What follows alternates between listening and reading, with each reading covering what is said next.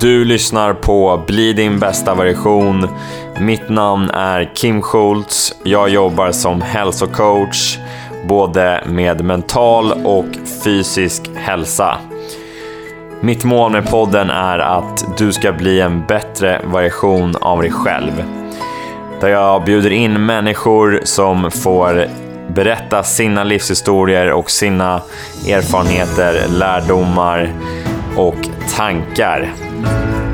Och som sagt, mitt mål är att eh, du ska bli en bättre version av dig själv. Samt att jag också ska bli det. Ehm, nu kör vi igång. Det här är ett väldigt bra samtal med överläkaren, kirurgen, föreläsaren och författaren Rickard Karlsson. Rickard har jobbat som läkare de senaste 23 åren. Han har skrivit boken Konsten att möta sig själv och andra som handlar om mänskliga interaktioner och personlig utveckling. Rickard är verkligen intresserad av att möta människor och att utveckla sig själv. I det avsnittet pratar vi om tankar och hur vi kan leva mer i nuet istället för att vara i framtid eller i dåtiden. Hur Rickard har kommit till självinsikt och formar sin dag. Vi pratar om möten mellan människor och hur vi kan förbättra möten mellan varandra.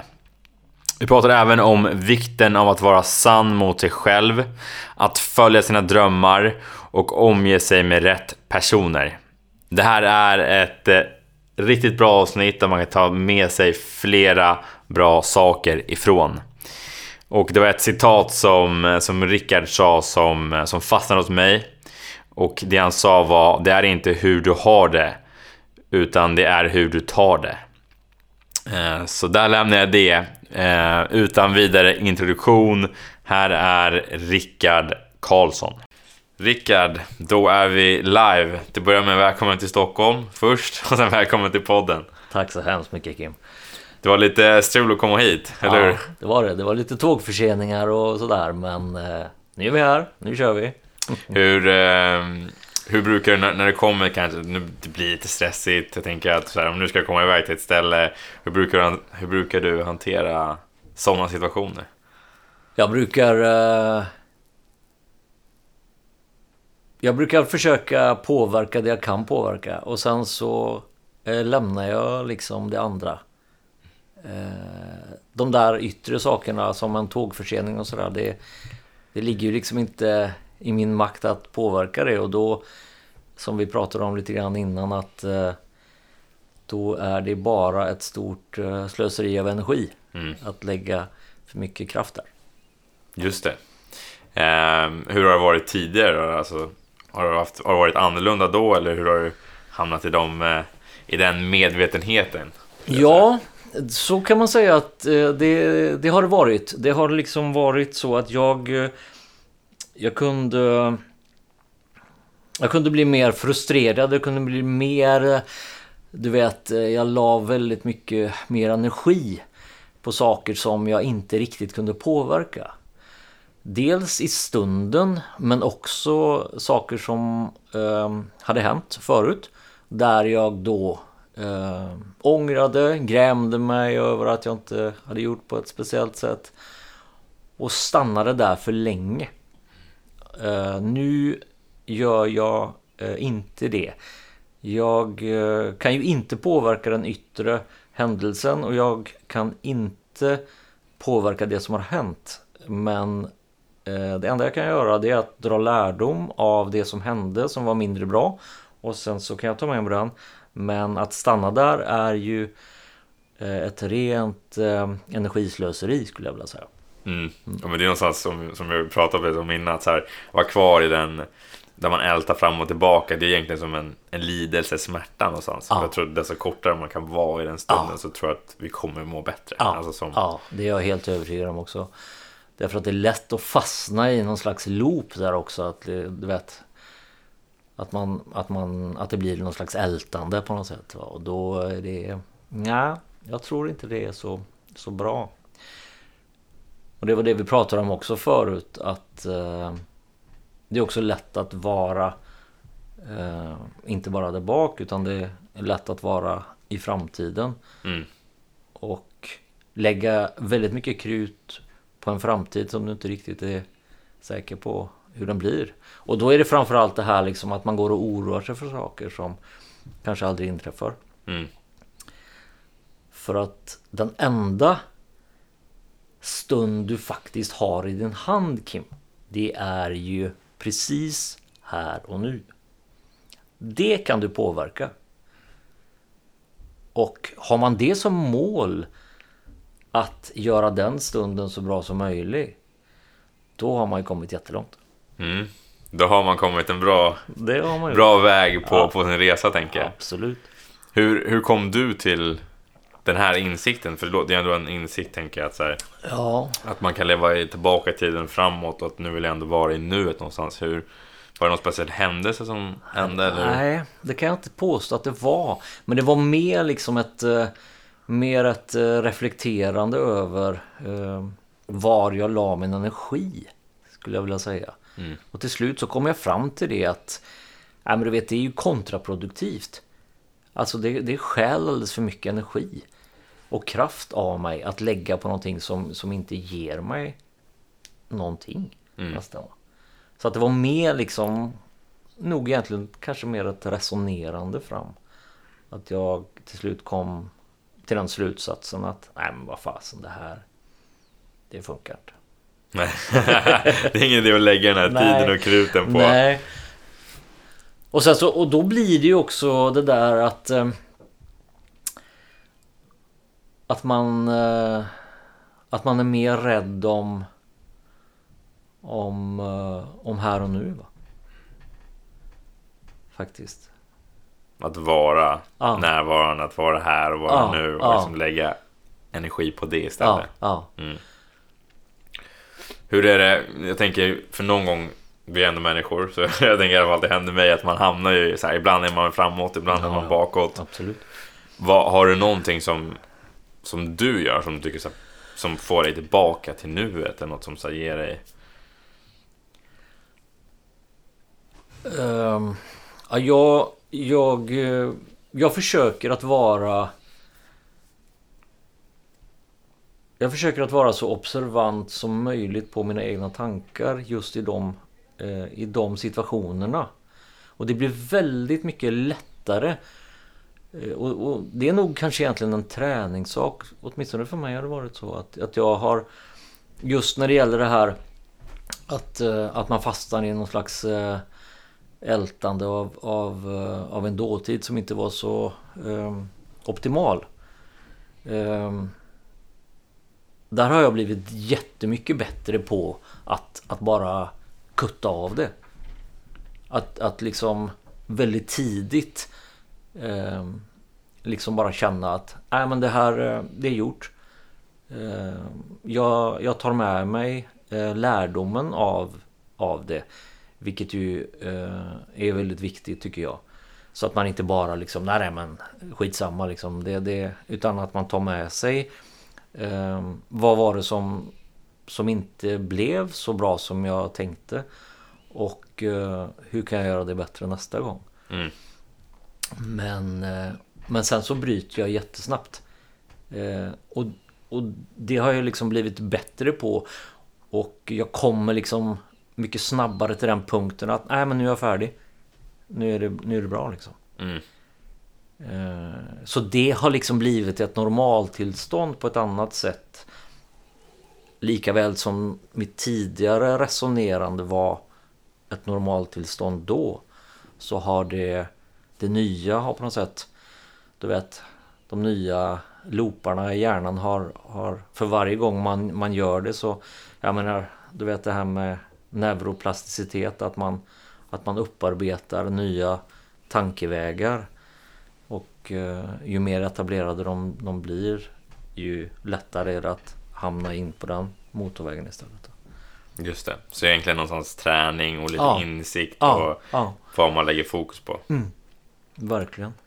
Hur brukar eh, någonstans en morgon se ut för dig? Och vad, vad fokuserar du på? Jag har ju en morgonrutin varje morgon där jag, där jag mediterar och där jag på något sätt eh, lägger ribban för dagen. Där jag eh, tänker att det ska bli en bra dag och att jag eh, verkligen eh, ja, är mån om att, att skapa. Där i den stunden där jag är helt ensam med mig själv så eh, så formar jag min dag. Eh, redan där. Mm. För att... Eh, och det återspeglas eh, under hela dagen på något sätt. Dit kan jag återvända eh, mentalt eh, när det är lite trögre. Och... Eh, nej men du vet. Det mesta i livet handlar ju om attityd. Eh, det är ju faktiskt så. Och den där gamla sanningen om att det är inte som du har det utan som du tar det. Det ligger ju väldigt mycket i det om man börjar liksom nagelfara det lite grann. Jag menar titta på din egen dag. Om du liksom redan från början sätter dina, dina mål eh, när det gäller din attityd till exempel. Va? Och du går in i det med ett, ett positivt tänkande. Så blir det ju en positiv loop. Och de saker du möter blir ju de negativa saker du möter kan du handskas med på ett helt annat sätt än om du gick in i det med en annan. Så är det åtminstone för mig. Och det är väldigt lätt att tänka så här liksom, äh, men du vet positivt tänkande och liksom alltså hela det här law of attraction och, och hela det där. Va? Men, men det finns ju en, en, en väldigt påtaglig kärna där.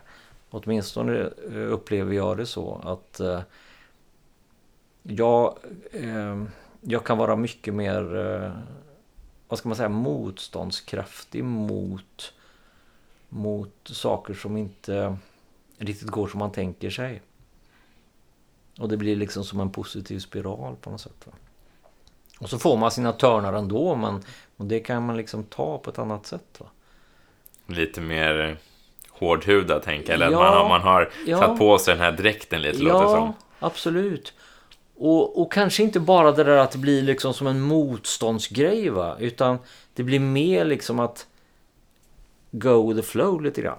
Mm. Att du... Följer, Att följer du- vattnet tänker jag Ja, nästan. precis. Precis. Och att du, att du på något sätt... eh, Ja men du vet, du tar dig förbi hindren på ett annat sätt va. Mm. Inte nödvändigtvis att, att du går i clinch utan att du... Mer som vatten. Mm.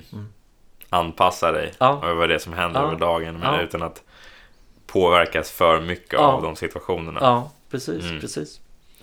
Just det. Mm.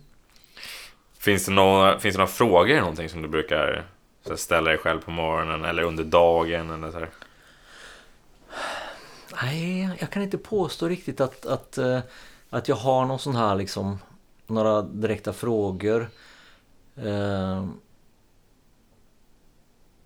annars kan man ju tänka sig och det har jag nog gjort ibland sådär men jag kan inte säga att jag gör det varje dag men eh, det här med, eh, nej men du vet, om det var min sista dag eller min sista vecka så här, liksom. Hur skulle jag Men där kommer vi också in på en annan sak och det är ju det här ehm, med, eh, med döden. Mm. Jag tänker ju på döden varje dag. Du gör det varje dag alltså? det, ja, absolut. Hur kommer det sig att du tänker på döden? Jag tänker på den för att eh, det blir ett verktyg eh, så att jag kan ta vara på varje dag. Eh, optimalt. Så genom att tänka på döden, så här, men det skulle kunna vara min sista dag. Ja, Hur vill jag vara som person Ja, då? ja, eller vad ja, vill jag göra? ja, Eller? ja, precis. Mm. Och är det här liksom viktigt? Jag läste någon, nu kommer jag inte ihåg vem det var som sa detta, om det var Marcus Aurelius eller det här eh, vad man än gjorde på något sätt. Om man käkar en måltid eller något så här liksom. Så är det här ja, tillräckligt viktigt på något sätt. Eh, om jag skulle dö nu skulle jag sakna det här som jag gör precis nu. Och då på något sätt då silar du ju bort väldigt mycket. Eller hur? Många av de här, vad ska man säga, skitsakerna du gör. eh, Som, som du bara gör av gammal vana eller som du fastnar i ett liksom det gör ju jag med. Jag menar man tar upp mobilen och ska kolla på någonting och sen så rätt som det är så har du suttit en halvtimme och så börjar kolla på länkar som du aldrig hade en aning om. Men det bara blev så. Ja. Om du precis där stannar upp och funderar på om jag skulle dö nu skulle jag sakna det här. Mm. Troligtvis inte va? Eller hur? Mm, få gärna få perspektiv på saker och ting. Vad Mm. Precis. Mm. är egentligen viktigt? Är det här någonting jag ska lägga energi på? Eller så här? Precis. Och då blir det ju väldigt tydligt sådär liksom. Om du nagelfar dig. Då blir det väldigt tydligt vad som till slut är viktigt. Mm. Och sen menar jag ju inte att man kan, åtminstone kan inte jag det, du vet, gå som någon, någon uh, zenmästare genom livet och bara liksom plocka russinen av kakan och bara liksom vara peace out va. Mm. Eh, där är ju inte jag på något sätt. Men eh, jag tror att med ganska små medel så kan man komma väldigt långt. Eh, man behöver liksom inte... Eh, för att jag, jag tror att det, det kan vara så att en del människor kan vara lite rädda för det där att, att du vet börja tänka de här banorna för att det blir som någon slags oöverstigligt hinder. Att ja, men jag kommer aldrig att klara det och sådär. Och det verkar för svårt och jag har inte den disciplinen och sådär. Men med små medel så kan du komma jättelångt. Va? Mm. Du bara liksom får in några saker i vardagen. Så, så kan du så kan du förändra väldigt mycket. Och du kommer också märka att den förändringen gör det lättare att ta nästa steg. Det, det, det, så att, och det säger jag med för att avdramatisera det hela på något sätt. Liksom att, Ja, många kan nog tänka så här, men döden, ska jag tänka på döden varannan dag? Men så här, Mm. det behöver kanske inte vara en så stor, stor grej. nej. Och jag menar, det, det, för mig är det så att men där kommer vi också in på, på flera saker när det gäller döden. Det är ju också så att, att det är ju... Jag menar, alla vet att vi ska dö. Det är Ja. ju en av de absoluta sanningar vi har. Vi föds och vi dör, det Mm. vet vi. Samtidigt är det ju någonting som vi helst inte vill prata om. Va? Eller hur? Nej, nej det känns För som... vi vill ju inte dö. Nej, nej alla vill ju, exakt, alla vill ju leva. Ja, jag menar det. Mm. Och, och, och då blir det lite grann som att nej men det pratar vi inte om för att då finns det nog inte. Mm, det är borta i horisonten där Ja, om en, li- lite grann så. många, många, många år. Ja visst Ja. Och, och, och, och, och så kan det ju vara också men, men samtidigt så, så är det ju så att eh, och det, det tror jag eh, jag menar i mitt yrke så, så träffar jag ju döden eh, på ett väldigt påtagligt sätt ibland. Och, och det innebär ju att för mig har det varit viktigt att på något sätt skapa ett förhållningssätt till döden eh, som jag har. Va? Därför att det blir väldigt mycket svårare om, om jag inte har gjort det och skall och skall eh, i mitt yrke då eh, träffa döden. Mm. Jag säger inte att det är så att jag har kommit med alla svar eh, långt därifrån men, men jag har ändå reflekterat eh, mycket över det och eh, det har hjälpt mig och hjälper mig fortfarande när jag, när jag eh,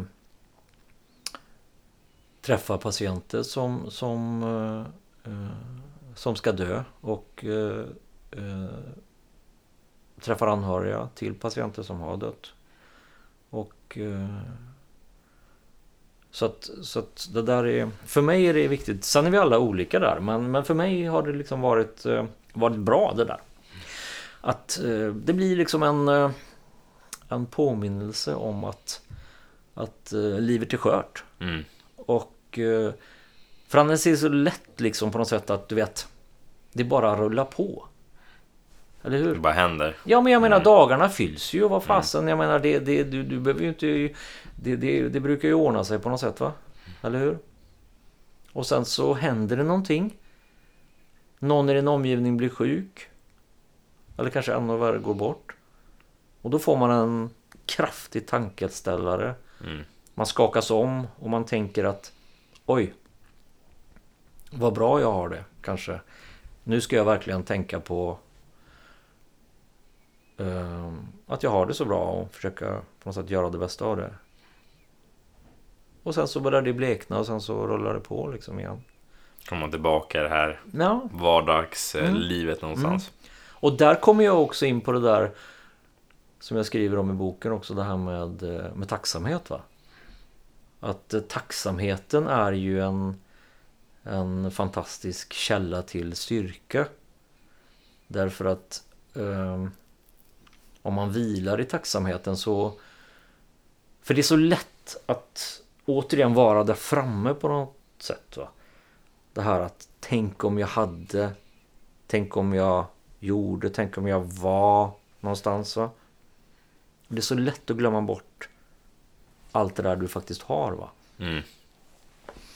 Nu har jag varit lite dålig på det där, men jag har gjort i perioder det här att man skriver det här tacksamhetsdagbok och sådär. Liksom, att man faktiskt då eh, joltar ner saker som du är tacksam för. Mm. Och det blir liksom på ett väldigt påtagligt sätt då, någonting som du faktiskt har, som du kanske inte alltid värdesätter på det sättet.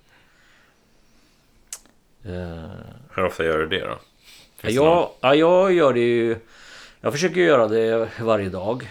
Eh, om jag inte skriver ner det så försöker jag ändå tänka på det. Mm. Eh, faktiskt. Och det är också en del av morgonrutinen det där. Liksom, att, att jag på något sätt återför mig till... Nej men jag har det ju fantastiskt bra. För annars är det lätt liksom att man... I synnerhet i tider som dessa. Eh, när det på många eh, håll i världen, i synnerhet i vår närhet nu, så, så eh, har folk det förfärligt. Mm. Och eh, då blir det ju eh, en ändå tydligare påminnelse om eh, hur bra vi faktiskt har det. det så att... Eh, och sen så, jag brukar säga det där liksom att jag gillar den här tanken på att man, att man kan att man kan vila i tacksamheten. Mm. Men, samt, men samtidigt då kan du liksom Det finns ingen motsägelse mellan tacksamhet och drivkraft till exempel. Så man kanske lätt tänker att nej men du vet Man är tacksam och håller sig här och sen så Så kan man inte vara, vara driven på något sätt. Men jag brukar se det som att man, man vilar i tacksamheten Hämtar kraft i tacksamheten Och sen så Kan du vara driven ändå. Va? Du kan ha, sätta upp jättemycket mål och grejer. Va? Mm. Men tacksamheten kan ändå vara som en slags, du vet, livgivande skugga eh, när, när solen är för stark på något sätt. Nej, men den där är, tycker jag är bra. Eh, den har jag faktiskt inte hört tidigare, men den är... Att man alltså någonstans vilar i tacksamhet som du säger. Men det betyder inte att, kanske att man är... Man ändå är nöjd. Alltså man kanske är nöjd med det man har. Så här, men inser men det här är faktiskt saker som jag har. Jag har ändå bra. Om man får perspektiv och titta på andra ställen som, som Ukraina nu. Vi har inte krig, det kommer Nej. inte bomber. Nej, menar, nej. vi har mat, vi har tak över huvudet, vi har rinnande vatten. Alltså vi har, vi har det så bra egentligen. Men det betyder inte att man kanske ändå vill mer av livet. Eh, och det tror jag är en, det är en bra sak. Eh, jag gillar den, eh, den metaforen, eller den, liksom, den liknelsen faktiskt. Mm, Men eh, du berättade lite om att du är, du är läkare och kirurg. Ehm, och du har skrivit en bok också. Just det. Eh, och jag tänker, jag är intresserad av hur det kommer sig att du, är, att du är intresserad av att möta människor. Hur har det intresset kommit? Eh, Det har kommit... eh, För det första så har jag ända sedan jag var väldigt liten varit väldigt intresserad och nyfiken på människor. Jag gillar människor. Jag, jag, jag, tycker, det är, jag tycker det är oändligt fascinerande det här med att höra människors berättelser. Och, och, och, så att det, det har funnits liksom ett, ett, ett jättestort intresse för människor under, under större delen av mitt liv skulle jag vilja säga. Men Sen så anledningen till att jag, eh, att jag bestämde mig för att skriva min bok. Eh, det är ju, ehm, eller var att jag eh, jag blir mer och mer fascinerad av den oändliga potential som finns i varje möte. Alltså du vet, det är något jädrigt häftigt i detta Kim. Jag menar, titta på dig och mig. Vi har aldrig träffats. Nej. Jag steppar in i det här rummet för en halvtimme sedan. Och någonting händer. Du skapar något hos mig. Jag skapar något hos dig. Vi skapar en känsla hos varandra. Men vi har ingen jädra aning om riktigt vart det tar vägen va? Eller hur? Nej, nej, det är som en kemisk reaktion som det, som det börjar bubbla och puttra och sen vet du så, så blir det någonting, någonting annat va. Och det tycker jag är så jädra häftigt. Och sen så tänker jag återigen det här med, med, med enkla medel då va. Så kan man ju liksom förbättra det där mötet. Med små enkla medel så, så kan du göra det eh, betydligt bättre. Och det är ju, jag menar, du vet, jag menar vad fasen, vad skulle vara häftigare egentligen? Jag menar, jag brukar säga att möte mellan människor, det är ju livets ramverk. Från det att vi föds till vi dör, från det att vi vaknar på morgonen till vi somnar på kvällen, så interagerar de flesta av oss med andra människor i någon form. Eller hur? Ja. ja. Och gör man det där, eh, vad ska man säga, på ett sätt som, som, som skapar lite bättre känslor hos varandra så är det klart att, eh, att vi kan komma lite längre tänker jag. Mm. Och det tycker jag är så häftigt och, och jag har ju i boken eh, några verktyg som jag använder när jag eh, interagerar med mina patienter. Eh, som jag har tagit som, vad ska man säga, någon slags utgångspunkt. Eh, det är någonting som man kan använda i all form av kommunikation. Det spelar ju egentligen ingen roll om det är om det är patienter eller kunder eller gäster eller studenter eller medarbetare. Allting handlar ju om den där känslan vi skapar hos varandra i någon form. Mm. Och eh, i mitt fall så är det så att eh, mitt mål är att jag ska skapa en bra känsla hos eh, mina patienter. Och där är ju med all rätt kraven väldigt högt ställda. Eh, eftersom den interaktionen är oändligt viktig och den är väldigt, väldigt ojämlik. Därför att patienten är ju per definition i ett, i ett jättestort underläge. Och då ställs det ändå högre krav naturligtvis på mig som, som läkare att göra det så bra som möjligt. Va? Så därför tycker jag det kan vara lämpligt att man har det som en någon slags eh, Nej men du vet eh, Någon slags eh, ribba eller någon, någon, någon slags att ta höjd på. För att det ska bli som, så bra som möjligt eh, även i, vad ska man säga, andra sammanhang. Mm. Och de fyra verktygen som jag pratar väldigt mycket om eh, Det är ju då eh, närvaro, humor, tystnad och eh, omtanke. Mm. Är det någon som är... Jag antar att alla är viktiga. Ja, är precis. du... Ja, närvaron är det första kapitlet och eh, det har jag lagt först för att jag eh, tycker ju att närvaron är eh, fundamentet i kommunikationen. Är man inte riktigt närvarande då blir det inte riktigt bra. Mm. Jag menar, jag menar, du vet ju du, jag menar vi, vi har alla varit i den situationen där vi har en människa framför oss och, och fysiskt är de där men, men mentalt så är de någon helt annanstans. Va? Ja. De är på semestern eller så är de på middagen eller så är de liksom på fotbollsträningen. Mm. Men de är inte där. Och det kan vara att, du vet, den känslan den är så oändligt stark. va. Det kan vara en en lite för lång latens på ett svar. Det kan vara liksom en blick som är lite fjär. Det är någonting som som, som skapar en känsla hos dig att nej men du vet det här är ju inte bra riktigt. Mm. Eller hur? Och det känns ju så starkt. Då. Jag brukar, jag brukar jag, som jag skriver i boken, att för mig är närvaro, det är, det är två saker. Dels är det en gåva att ge närvaro. Jag ger min tid och min fulla uppmärksamhet till dig. Och min tid, det är det viktigaste jag har. Och eh, att få det av någon gör att, att det skapas ett närvarorum som jag kallar det.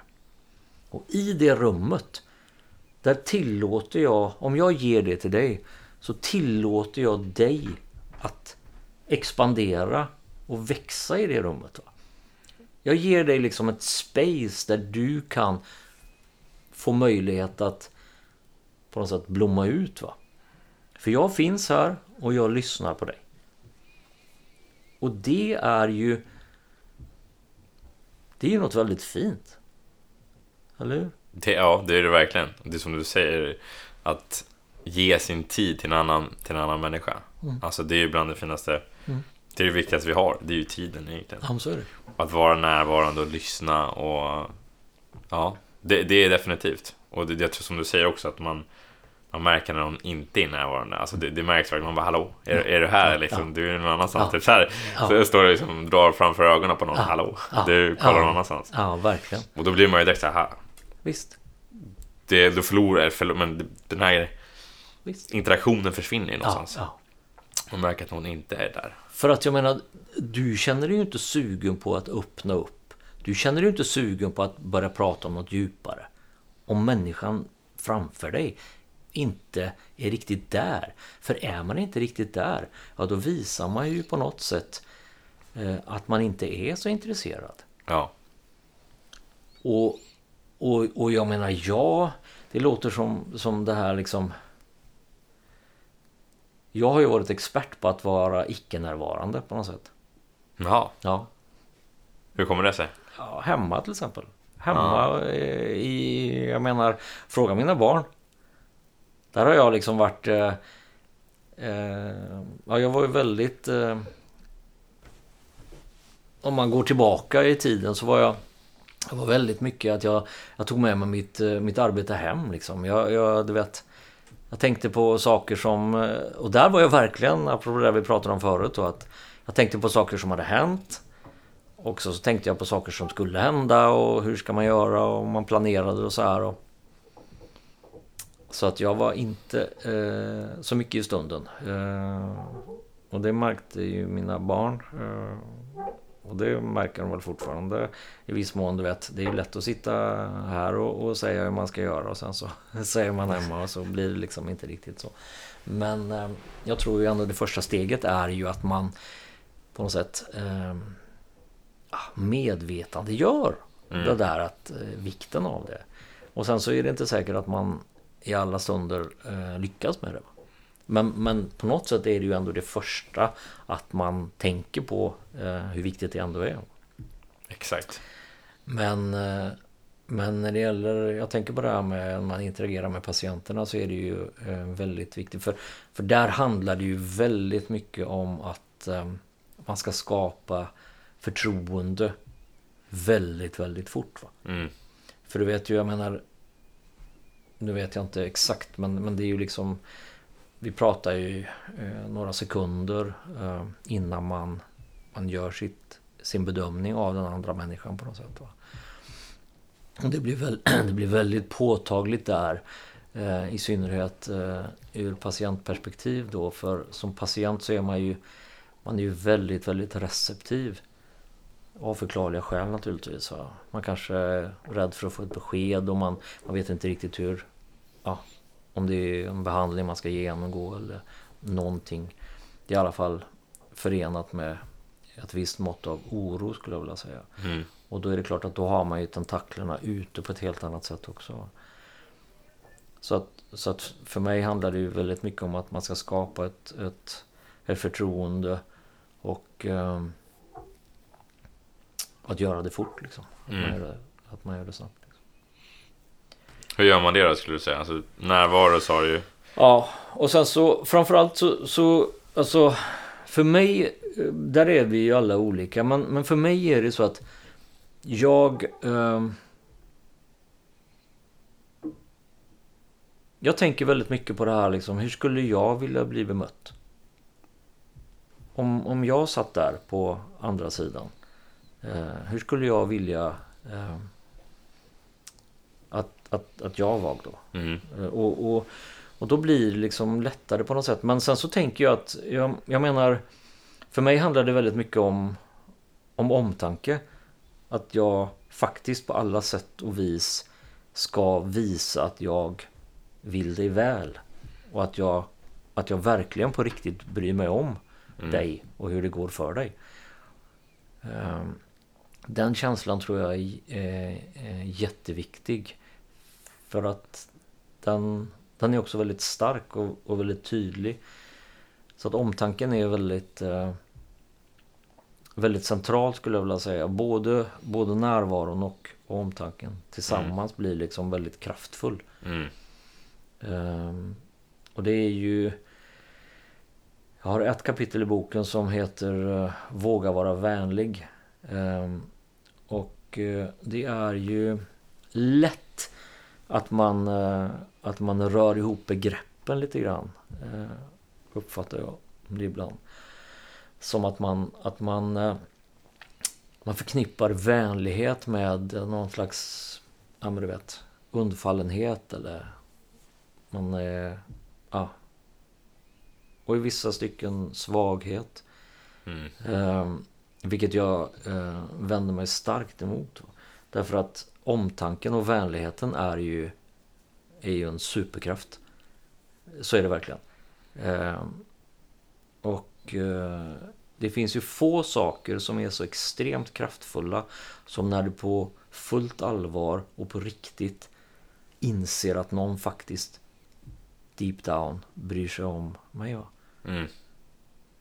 Det är väldigt, väldigt kraftfullt. Och, och det har ingenting att göra med undfallenhet och, och, och svaghet. Eh, utan tvärtom. va. Och det... Därför att för mig, ibland, du vet... Ibland träffar jag både patienter och anhöriga som är... Eh, ja, man kan vara, man kan vara rädd, man kan vara eh, arg, man kan vara besviken, eh, orolig. Och eh, då är ju omtanken en, ett fantastiskt verktyg. Därför att det brukar lugna ner det mesta.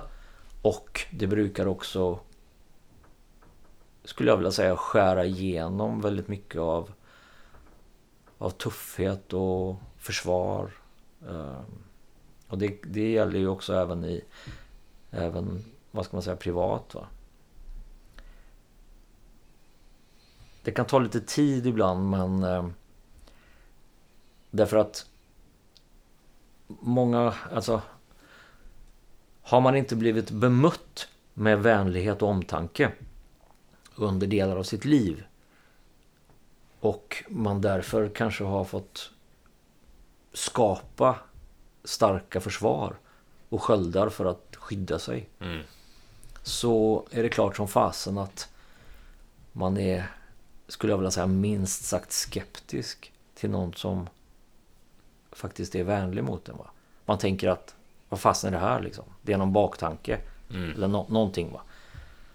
Men om man, om, man, om man fortsätter där. Om du håller fast vid att, nej men vad fasen, jag kör på va. Då, då händer det grejer.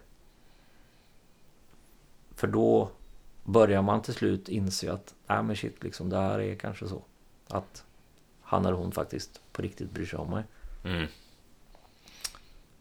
Så att det är, ja, nej men det, det är väl en, en, en bra sak, tänker jag. Generellt.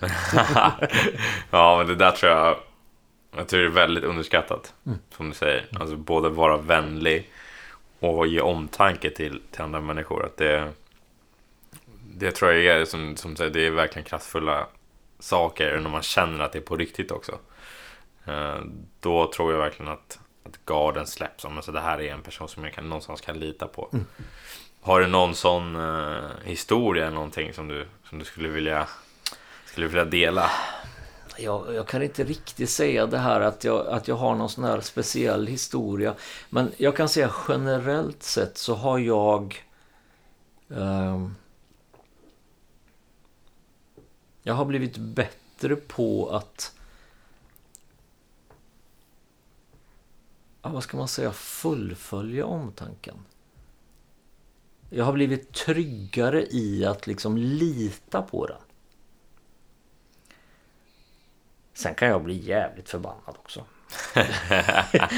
du, du, du, du, kan vara lugn, det kan du fråga, det kan du fråga eh, också. Men, men det, det, är väldigt sällan nu för tiden. Eh, jag var lite, lite mer hetlevrad för.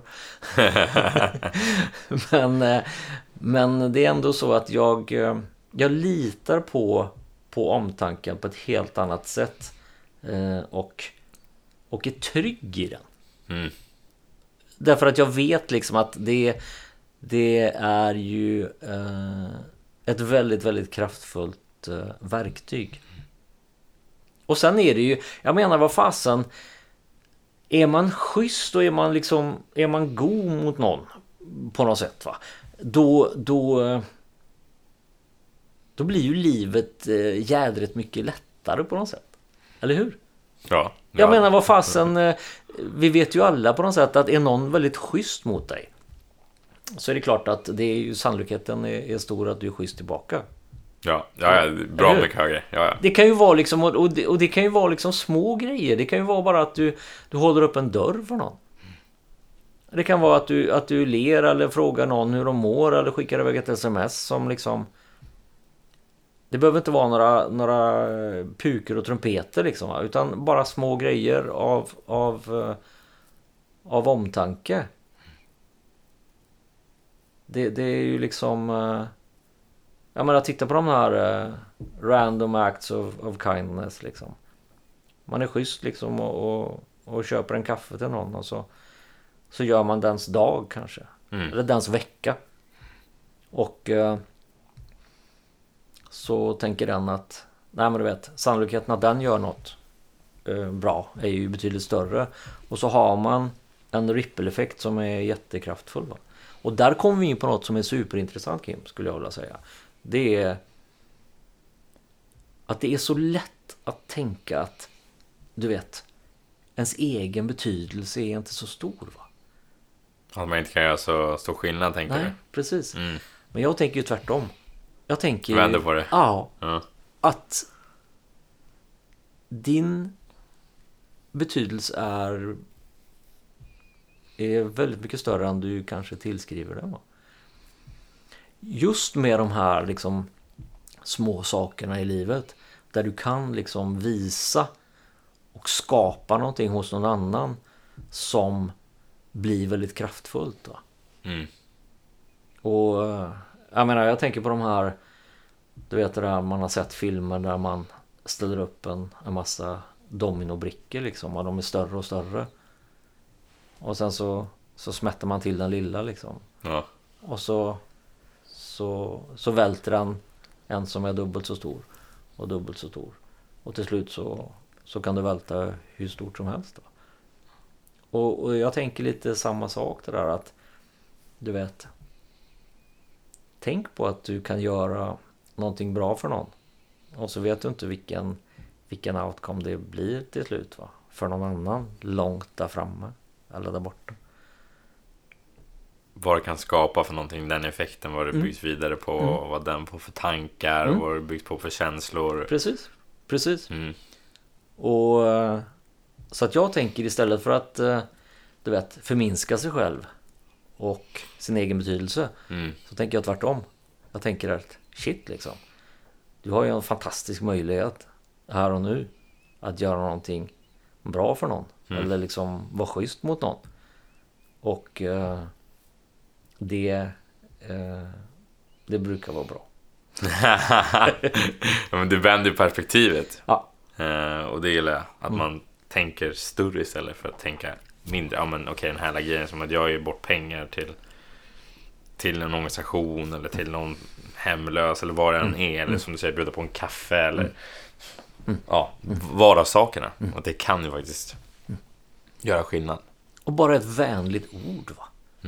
Eller hur? Hur många gånger eh, är det inte så att vi, att vi på något sätt tänker bra grejer om någon? Det kan vara på jobbet, liksom någon som gör någonting. Fasen, det var skitbra. Liksom. Eller någon, du vet, man, man är på stan eller man ser någonting och sådär va. Av alla gånger du tänker så Kim. Hur många gånger genererar det i någon form av handling eller ord som kommer den till godo? Hur ofta säger du det där att det där var bra? Mm. Eller hur?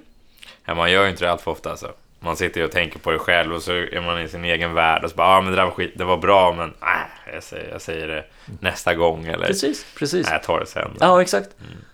Och, och där är det någonting, det försöker jag verkligen att tänka på, att ge liksom feedback när jag tänker det. Jag, jag, jag försöker att göra det snabbt, för annars så, du vet, så fylls det ju på med andra grejer. Ja, ja. Men, men i stunden, därför att, jag menar vi vet ju alla hur jädra glad man blir va? Eller hur? Mm. Den känslan är ju enorm. Om någon, om någon säger något snällt om det man har gjort eller uppskattande liksom att ja, men vad bra det var liksom. Vad, vad, vad bra att du gjorde det eller vad, vad, vad, vad bra att du sa det och det fick mig att tänka på någonting eller något sånt där va. Det är ju också väldigt lätt att göra. Det är ju liksom inga stora grejer va. Men steget dit är ofta betydligt större. Mm. Att faktiskt börja... Att faktiskt göra det. Va? Ja. Och, och det har jag ändå på något sätt. Och det har varit en, skulle jag vilja säga, en träningsgrej liksom. Att ja, nu bestämmer jag mig för att göra det. Mm. Att nu, nu säger jag det där liksom. Eller skickar det där messet eller liksom mejlet eller något sånt här va. Att, ja men vad bra. Och eh, det är ju en riktig win-win grej alltså. För du vet ju känslan i magen när du gör det. Det känns ju skitbra. Ja, ja. Och den som får det blir ju jätteglad. Ja, det, ja, det är ju verkligen en win-win, Ja, en det- win-grej. Det, Ja. det skapar ju positivt för en själv och för, för den andra. Mm. Alltså det är ju- Ja, det borde man ju definitivt göra mer. Alltså det är, Mm. det är en uppmaning. Ja, visst, visst. Och jag menar, du vet. Det tar ju inte lång tid. Va? Nej, Utan det är ju mer liksom att man bestämmer sig för att nu gör jag det. Och, och det, det blir liksom... Nej, men jag, jag gillar den där liksom känslan av att med, en- med en liten, liten... Vad ska man säga?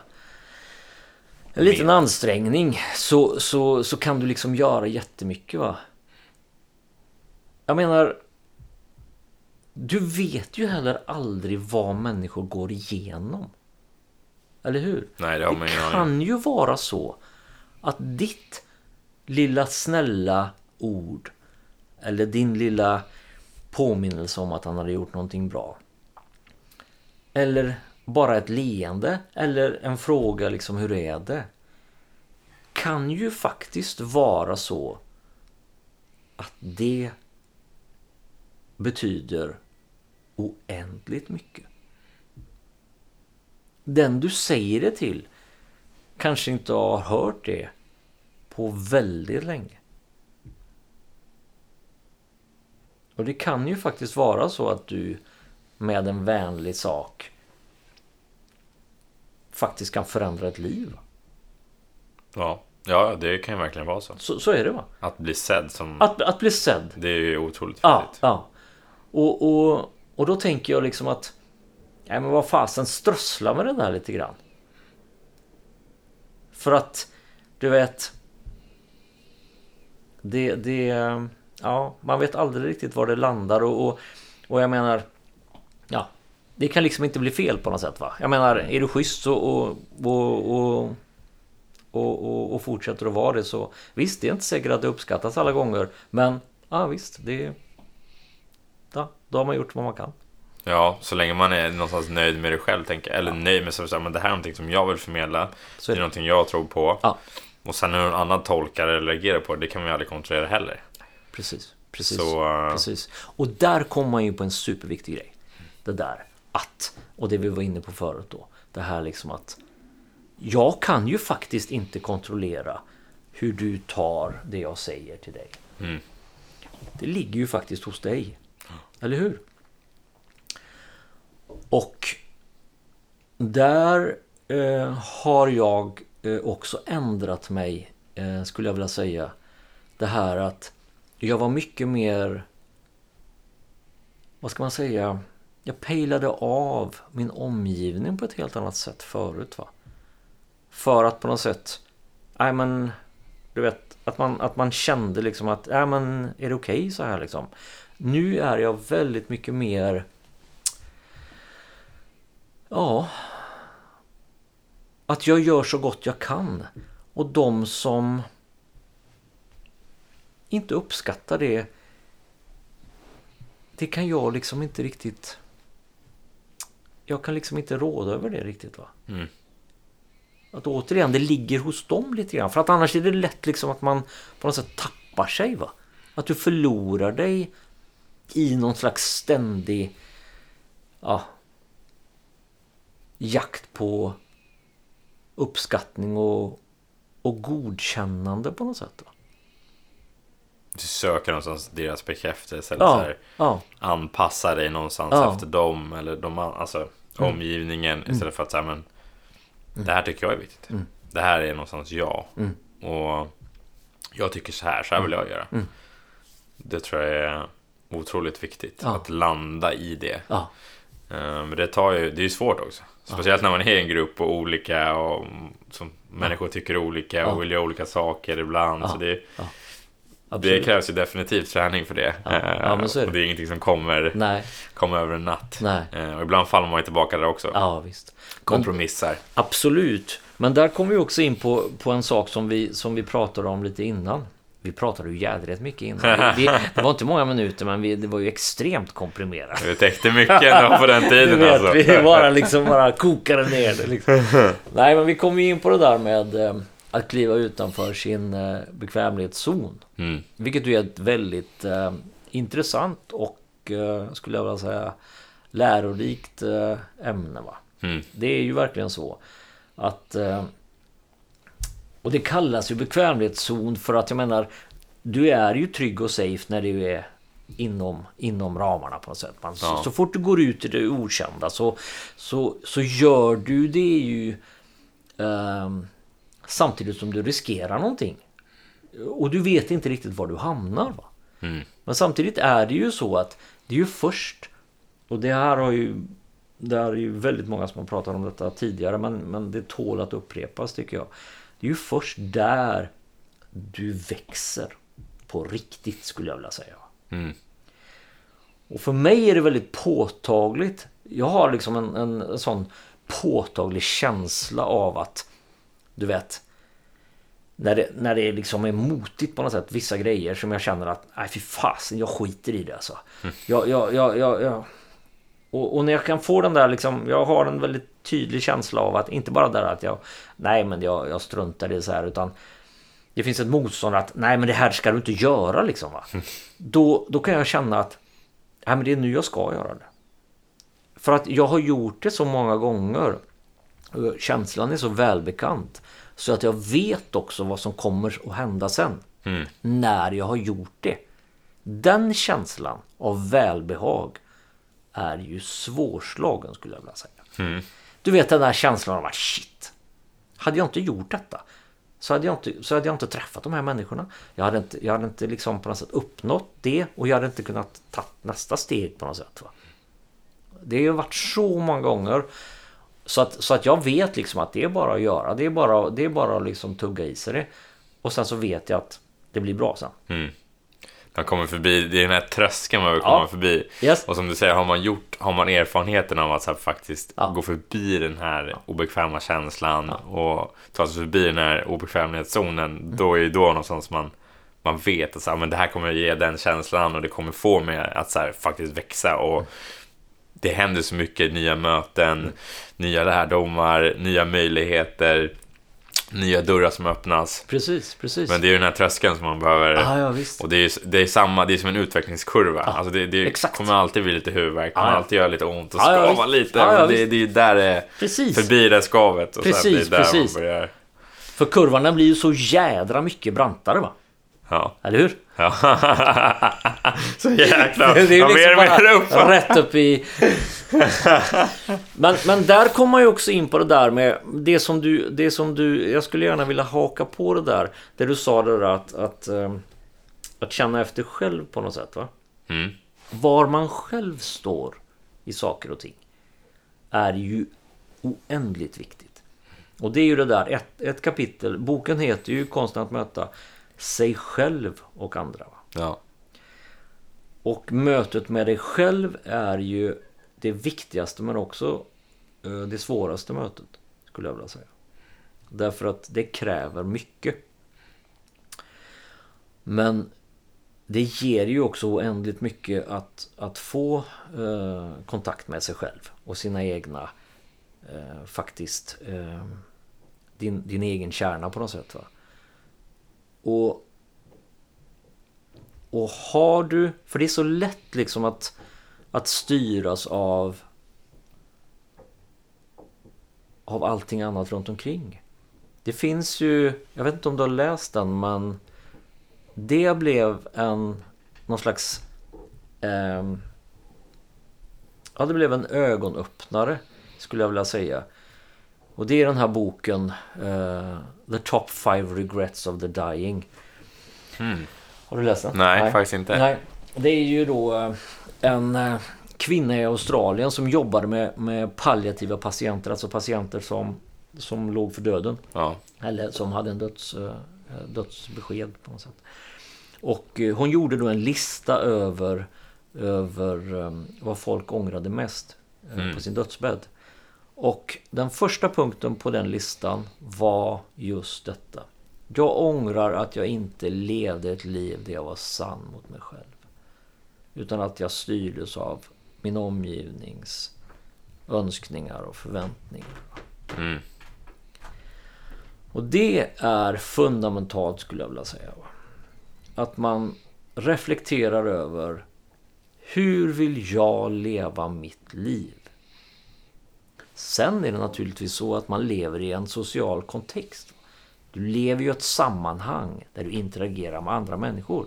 Och du kan inte bara köra ditt eget race naturligtvis. Självklart inte. Men det är lätt att tappa bort sig själv.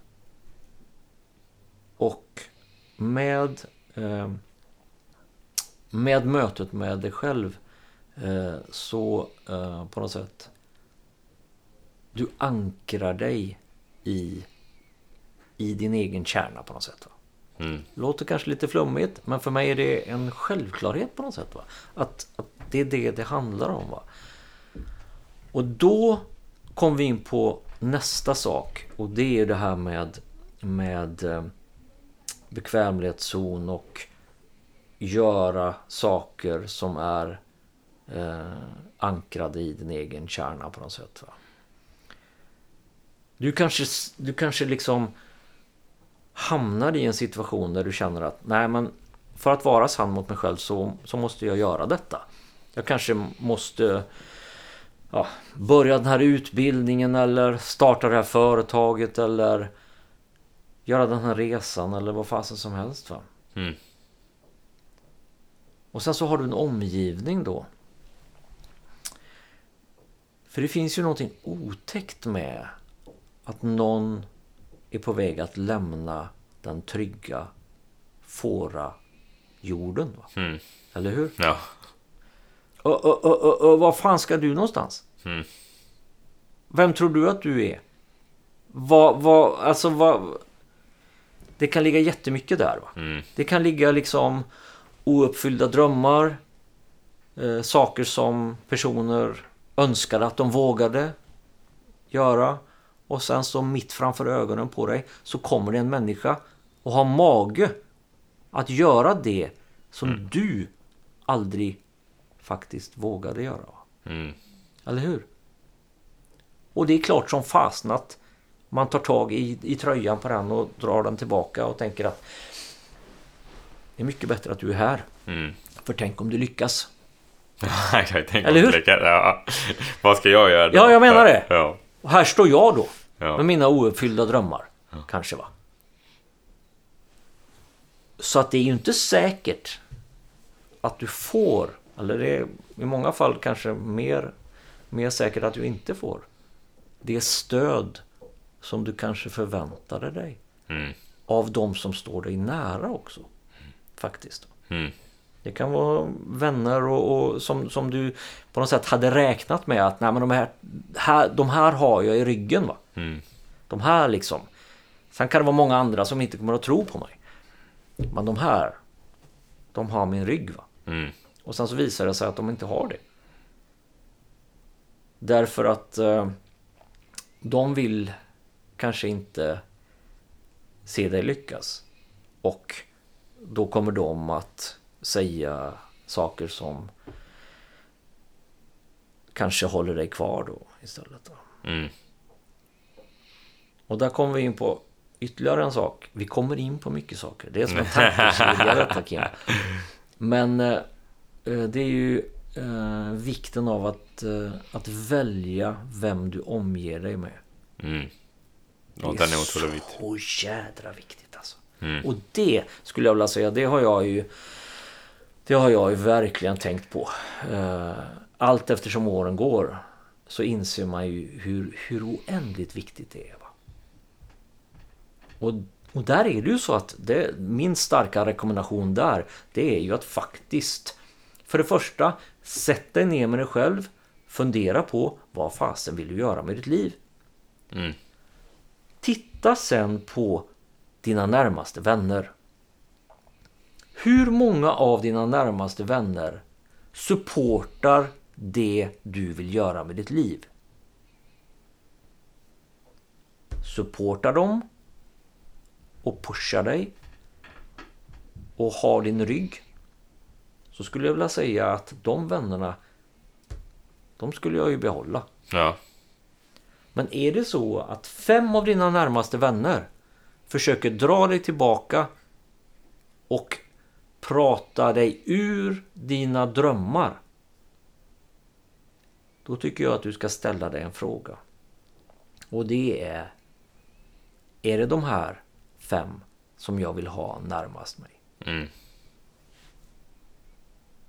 Därför att den gamla sanningen att du blir som du umgås är ju extremt Sant. sann. Ja. ja, ja.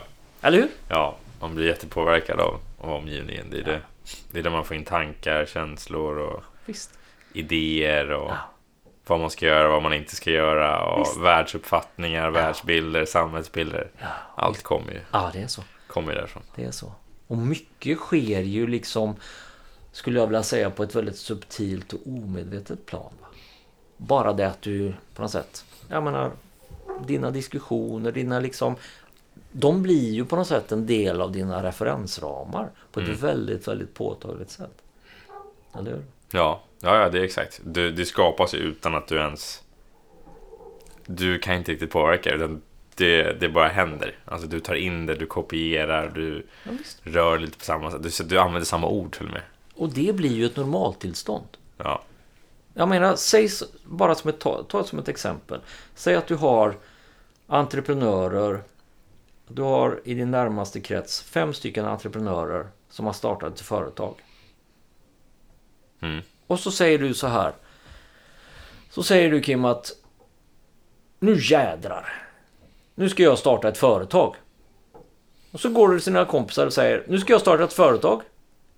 Ja, perfekt säger de. Skitbra. Klart, kör. Vi backar dig. Ingen höjer på ögonbrynet. Så har du samma scenario. Du har gått och tänkt på det här att du vill starta ett företag. Mm. Så har du fem stycken andra. Ingen har startat ett företag. Ingen har varit i närheten att tänka en tanke på att starta ett företag. Du säger samma sak. Glad i hågen. Kommer och säger Nu jädrar. Nu ska jag starta ett företag. Ja. Du kan ju själv fundera på vilken support du får av den gruppen. Mm. Eller hur? inte li... Det är klart det blir olika. Snarare att det blir fem stycken som kommer att försöka med all sin kraft och styrka att tala dig ur denna. Mm.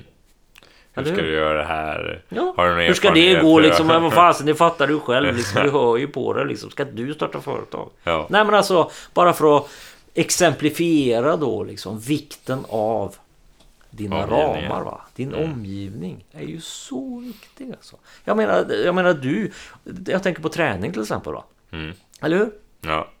Om du omger dig med fem stycken soffpotatisar som inte, som, som, som inte vill höra, som, som ser det som en, en svordom att, att träna va. Ja. Och du säger att nu jädrar, nu, nu ska jag, nu ska jag liksom eh, satsa på Iron Man här. Det blir ju inte riktigt. Alltså, det- det- supporten blir inte riktigt va? Nej, då tror inte de är helt ja men fan det är klart du ska göra det. Fan, Precis. ska vi dra och träna nu? Här, vi Precis. lägger upp en plan, Ja, ja, köper en precis. cykel och Precis! Ja, bara, kör visst. vi. Ska bara käka färdigt chipspåsen för. alltså har du, har du fem stycken som har, som har, som har gjort en Iron Man liksom. Ja, det är klart. Det blir en... Det blir lite skillnad. Det är bara häng på här så Ja, kör visst, vi. ja precis. Ja, men då ska du göra det och ska du köpa den. Och ja, nej men det där är, det är viktigt. Och jag tänker också så här va att eh, det, är ju, det är ju faktiskt bara du själv som vet om eh, dina vänner eh, är sådana som du ska faktiskt behålla. Men jag, jag tänker så, och det är inte så lätt alla gånger naturligtvis. Eh, Men jag tänker om man gör en en liten lätt tankemässig inventering. Dels då att man börjar med att fundera på hur vill jag ha det? Vad är det för, för drömmar jag har? Vad, vad, och sen så, så funderar man på det här liksom. Ja, får man det stöd man, man vill? Eller läggs det en våt filt över drömmarna? Mm. Eller hur? Det behöver inte vara konstigare än så. För att det blir väldigt tydligt. Eh, Om de supportar eller inte. Ja, ja Mm. det, det skulle jag vilja säga. Mm. Ja men den gillar jag för den... eh, Det är så att man bara låter det här fortgå istället. Mm. Så ställa sig, men vad vill jag göra? Och supportar eller liksom, är det, är det en drag? Hjälper de att dra mig eller Mm. Ja. drar, liksom, Ja. drar de mig tillbaka? Precis, precis. Pushar de eller håller Ja, mig tillbaka? Exakt. Och utgångspunkten måste ju ändå vara då liksom Var är du själv i detta? Mm, Vad vill du? exakt. För det, det är ändå utgångspunkten för allt va? För det är Ja. ju det du ska sätta i relation till deras, deras åsikter. Mm, Eller hur? verkligen. Ehm, för att komma till en annan sak, vi börjar komma mot, eh, mot slutet här. Ehm, vad, vad vill du lämna efter dig? Jag vill... Eh,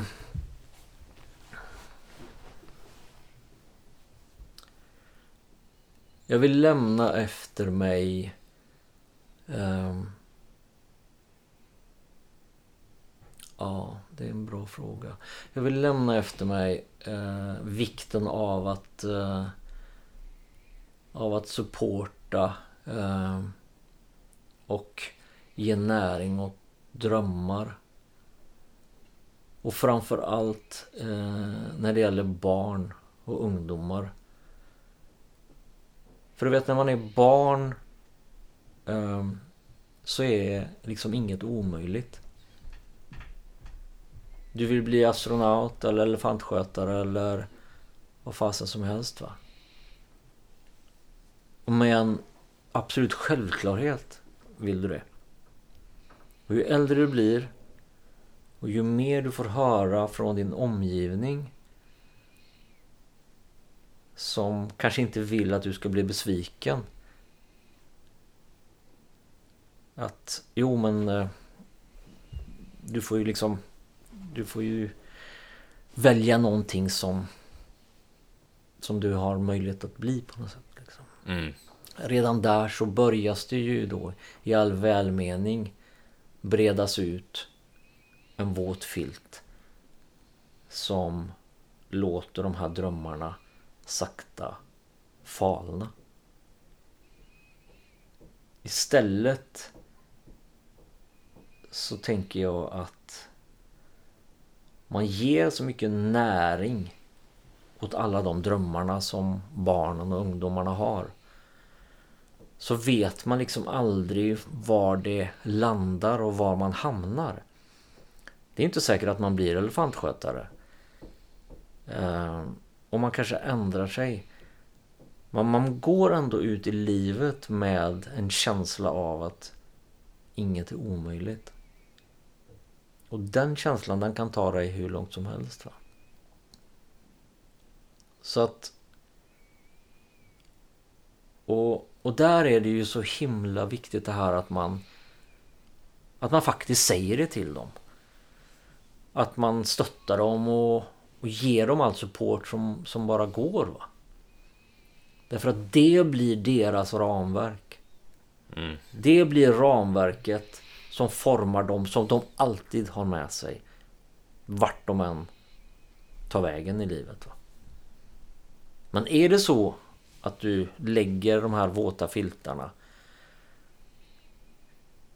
så blir det så att det där oändliga möjlighetsrummet det blir liksom det blir mindre och mindre. Och det tar du med dig sen i, i vuxen ålder.